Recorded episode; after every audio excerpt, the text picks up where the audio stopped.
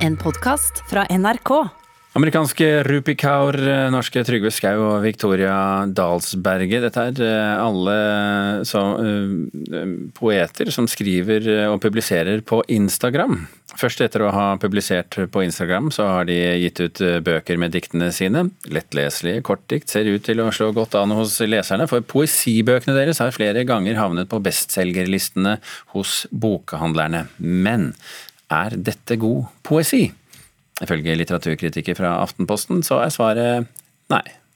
Vi er luftboblene fra flyskroget på havbunnen plopper opp på hvit sjø. Forfatter Alexander Fallo leser et dikt fra den nye boken sin. Han er en av dem som startet karrieren ved å legge ut poesi på Instagram. Det begynte vel egentlig med liksom en post i 2012 eller 2013, og så til venner, kanskje 300 venner, og så begynte jeg å gjøre det mer. Det vokste vel sånn gradvis.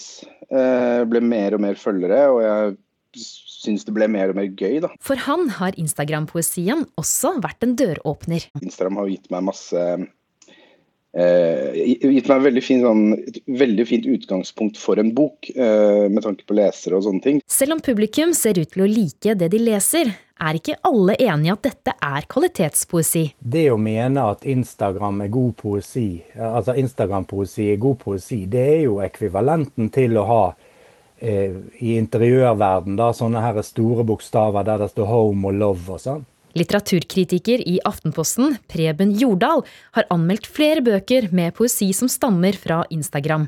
Til nå er han ikke imponert over diktformen. Det er en form for brukspoesi, dette her, åpenbart som eh, svært mange da følger på Instagram og leser. Jeg er ikke sikker på om det har så veldig mye med eh, poesi å gjøre. Det er omtrent som at eh, folk tar det som før var, var notatboken sin, og, og publiserer den, har jeg følelsen av. Anne Iversen, pressesjef i forlaget Vigmostad og Bjørke, er ikke enig i Jordals kritikk. Det er jo alltid, I alle mm, litterære uttrykk så er det jo flere sjangere. Eh, og du kan jo godt si at poesi på Instagram er en egen sjanger, da. Eh, men samtidig så er det jo kvalitetsforskjeller eh, også blant mer etablerte poeter, eller poeter som gis ut tradisjonelt bare i bokform. Så jeg, jeg tenker at det er veldig, veldig rar ting å, å si si. Jeg, jeg syns egentlig det vitner om eh, at man ikke har satt seg så veldig godt inn i hva Instagram-poesi er. De har selv nettopp gitt ut boken til Instagram-poeten Victoria Dalsberget, som nå ligger på bestselgerlisten. Hun tror man kan finne flere talenter på Instagram. Ja, det ser jeg jo ikke bort fra. Eh, det er jo der de unge, og for så vidt mange eldre også, er. Eh, så det er klart at der vil man også finne mye talent. Så, så det er klart at dette er jo kanaler som vi følger veldig nøye med på. Jordal er bekymret for at forlagene publiserer Instagram-poesi på bakgrunn av mange følgere, og ikke pga. kvaliteten. Nå virker det som om de bare rett og slett uh, skanner inn Instagram-bildene og, og, trykker på print. Men vi ville jo aldri antatt eh, en forfatter på bakgrunn av f.eks. Eh, antall følgere. Altså det må jo være en, en kvalitet i bunn i teksten som presenteres. All vår bagasje glir sakte gjennom livet, rundt og rundt på et skittent rullebånd, plukkes opp, settes ned eller tilbake. Du hørte uh, reporter Linda Marie Fedler i denne saken. Og med oss nå Victoria Dalsberget, Instagram-poet. God morgen. Ja, god morgen. Hva sier du til den kritikken du hører i innslaget her? Nei, altså jeg tenker at uh, kritikere må gjerne mene noe om, uh, om, diktene, og egentlig kalle dem hva de vil. Men uh, personlig så er det ikke så veldig viktig for meg hva de mener om instapoesi generelt. da. Jeg tenker at Det kunne jo vært interessant å vite om de egentlig har satt seg ordentlig inn i det, og egentlig sett på forskjeller mellom, mellom kontoene. Ja, På hvilken måte da? Nei, Jeg tror at eh, det kan være dumt da, å utelukke et eh, helt eh, format. Og, og, at man kanskje må være forsiktig med å si at noe per definisjon er dårlig fordi det er publisert på Insta. For det vil jo være forskjeller i tekster på Insta. Noen vil være gode, mens noen vil være mindre gode. Akkurat som det er i lyrikkbøker. Men Har du forståelse for denne bekymringen om at det kanskje da ikke blir kvaliteten som, som avgjør, men at det er antall følgere? Ja, altså jeg kan jo skjønne eh, kanskje at eh, den tanken eh, oppstår. Men eh, jeg tror det er veldig viktig å få frem at eh, i min bok så er det jo 80 dikt. Og det er jo på ingen måte sånn at vi bare har tatt 80 tilfeldige dikt og så bare kasta de sammen og inn i, inn i en eh, bokform. Dette er jo en veldig sånn nøysom og langvarig redaksjonell prosess hvor hvor det har vært innblanda redaktør og eksterne konsulenter. Og så har vi på en måte forsøkt å, bygge en slags overbygning da, for dette verket. Um, hvor jeg måtte tenke helt annerledes. Måtte tenke struktur og det å liksom skape en utvikling i, i teksten. Hva er det som kjennetegner de diktene du skriver? Du, jeg skriver egentlig ganske korte eh, konsise og i egentlig ganske stor grad konkrete dikt som eh, kretser rundt eh, unge menneskers selvbilde. Akkurat i den boka her så er det et utvalg av de diktene som handler mest om eh, kroppspress og selvoppfatning. Og så prøver jeg å komme med en bildebruk som skal være gjenkjennelig og eh, forhåpentligvis original. Og denne Boken havnet også rett på ARKs bestselgerliste. Hva er grunnen til det, tror du? du det, det, kan være litt vanskelig eh, å svare på, men jeg tenker at det kanskje har noe med tematikken å, å gjøre. Selv om eh, de aller eh, fleste som følger meg er unge kvinner, så har jeg fått eh, tilbakemeldinger fra mennesker i alle aldre og med, og med ulik type bagasje.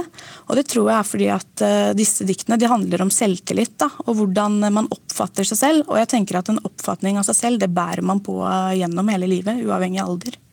Hva er det du ønsker å oppnå da med, med de diktene du skriver? Det aller viktigste for meg det er at jeg skal treffe enkeltmennesket. At eh, jeg skal klare å sette ord på følelser og tanker som eh, noen tror de sitter alene med. Og håper egentlig på å bidra med gjenkjennelse og så skape en litt sånn følelse av at vi er, eh, at vi er en liten gjeng. da, Og at man ikke står så alene i alle av livets utfordringer. Ok, Takk skal du ha, Victoria Dalsberget, Instagram-poet, og også eh, klar med boken 'Du er nok'. Vi skal fortsatt snakke om litteratur, men vi skal bytte app. Stop what you're doing, shut up, and read this book. This one right here, The Seven Husbands of Evelyn Hugo. There was not a dull moment in this book. You know that feeling you get leaving the movies after seeing a life changing film? Yeah, same shit, different font. Det er ganske klar beskjed der, altså. I en TikTok-video til en ivrig bokleser. For forfatter og forlag blir nå forundret og til dels forvirret når de ser at eh, bøker som ble gitt ut for mange år siden, plutselig får en ny oppblomstring og interesse.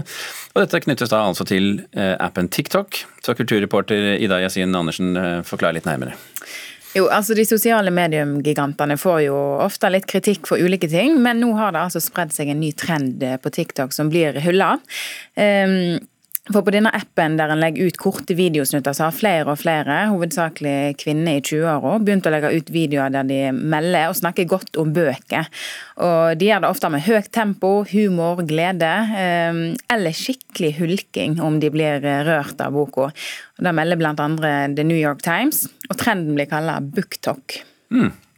Og det får, får folk til å lese? Ja, altså disse videoene har uh, fått salgstallene til å skyte fart. og Både for bokhandlere og forfattere, men òg disse unge som lager videoene, er overraska over at uh, bøkene blir så populære. Da. Og Bokhandlere i USA har begynt å ha framme disse bøkene som går viralt. Og Barnes Noble, en amerikansk bokhandler, bokhandler, sier til The New York Times at de, de aldri har sett andre sosiale, med, sosiale mediumplattformer generere så store salgstall. Eh, de selger altså titusenvis av bøker i måneden pga. denne TikTok-trenden. Men hva er det ved denne måten å anmelde bøker på som når da spesielt unge lesere? da? Altså, Sjangeren som dominerer er jo fiksjon for unge voksne. Um, og Barnes Noble mener òg at det handler mye om at de som lager disse videoene er veldig åpne og ikke, ikke redde for å vise følelser. Så da at det, det blir en sånn videosnutt på Eh, under ett minutt, som er veldig emosjonell og intens, gjør at veldig mange relaterer. da. Mm. Det er fascinerende hva TikTok kan generere av mm. ting. Ida Yasin Andersen, takk skal du ha. Med de nye smittevernreglene så er det jo ganske begrensede muligheter til å gå på kino nå for tiden. Flere nye filmer har likevel kinopremiere i Norge i morgen. Og en av dem det er den norskproduserte dokumentaren 'Gunda', som har vakt stor oppsikt på filmfestivalen i Berlin. Det skjedde for ett ett år siden. Premieren har vært utsatt i flere måneder pga. pandemien, og i mellomtiden så har den vært svært nær å bli Oscar-nominert. Vår kritiker Birger Vestmo har sett den.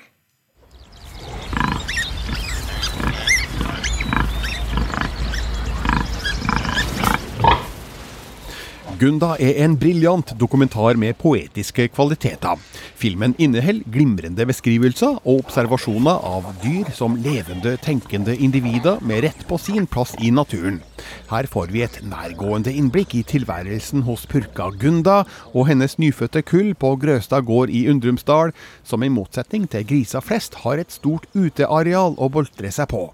Kameraet følger grisungene gjennom vilterleik, nysgjerrig utforsking og krigersk kamp om plass ved pattene. Det blir òg dramatikk når man får demonstrert faren ved å være en liten grisunge som beveger seg rundt ei purke på flere hundre kilo. Filmen har i tillegg sekvenser med høns og kyr, filma i England og Spania.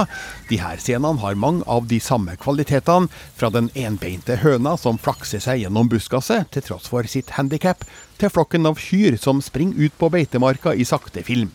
Det er likevel de norske grisene som er mest i fokus, og de gir òg filmen den beste dramaturgien.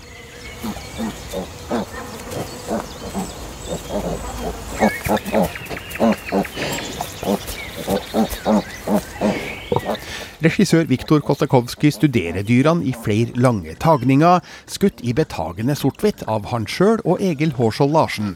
De utviser en imponerende kamerakontroll, både i den trange bingen og ut i naturen, og fanger inn mange sterke, fine, rare og morsomme øyeblikk som enhver naturfotograf kunne misunt dem. Dyrene og naturen er så godt som det eneste man hører på lydsporet. Den eneste dialogen er grynting, kakling og rauting. Her er det ingen fortellerstemme, ingen musikk og ingen mennesker.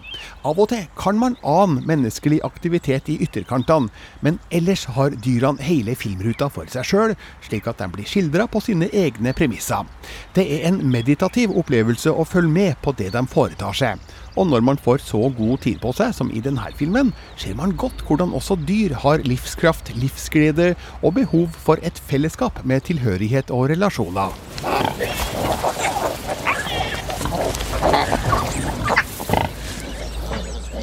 Gunda handler tilsynelatende om veldig lite, men egentlig inneholder den alt fra fødsel, oppvekst, leik og læring til undring over livets gang. Dette er en nydelig studie av miljøer de fleste av oss aldri ser eller tar oss tid til å studere. Dyrene blir figurer man knytter emosjonelle bånd til, samtidig som det siger inn en erkjennelse av at det her òg er dyr vi slakter og et. Filmen kulminerer med en naturlig og nødvendig konsekvens av gårdsvirksomhet, der virkeligheten slår inn i en opprivende scene som gjør vondt i all sin enkelhet. Denne enestående avslutninga har en emosjonell slagkraft som overrasker, og gir Gunda en mørk dybde og mening. Det kan tenkes at denne filmen vil sitte i bakhodet neste gang det serveres bacon. Terningkast seks. Ja, filmen 'Gunda' ble anmeldt av vår kritiker Birger Vestmo. Du kan lese hele anmeldelsen på nrk.no anmeldelser. Du har hørt en podkast fra NRK. Hør flere podkaster og din NRK-kanal i appen NRK Radio.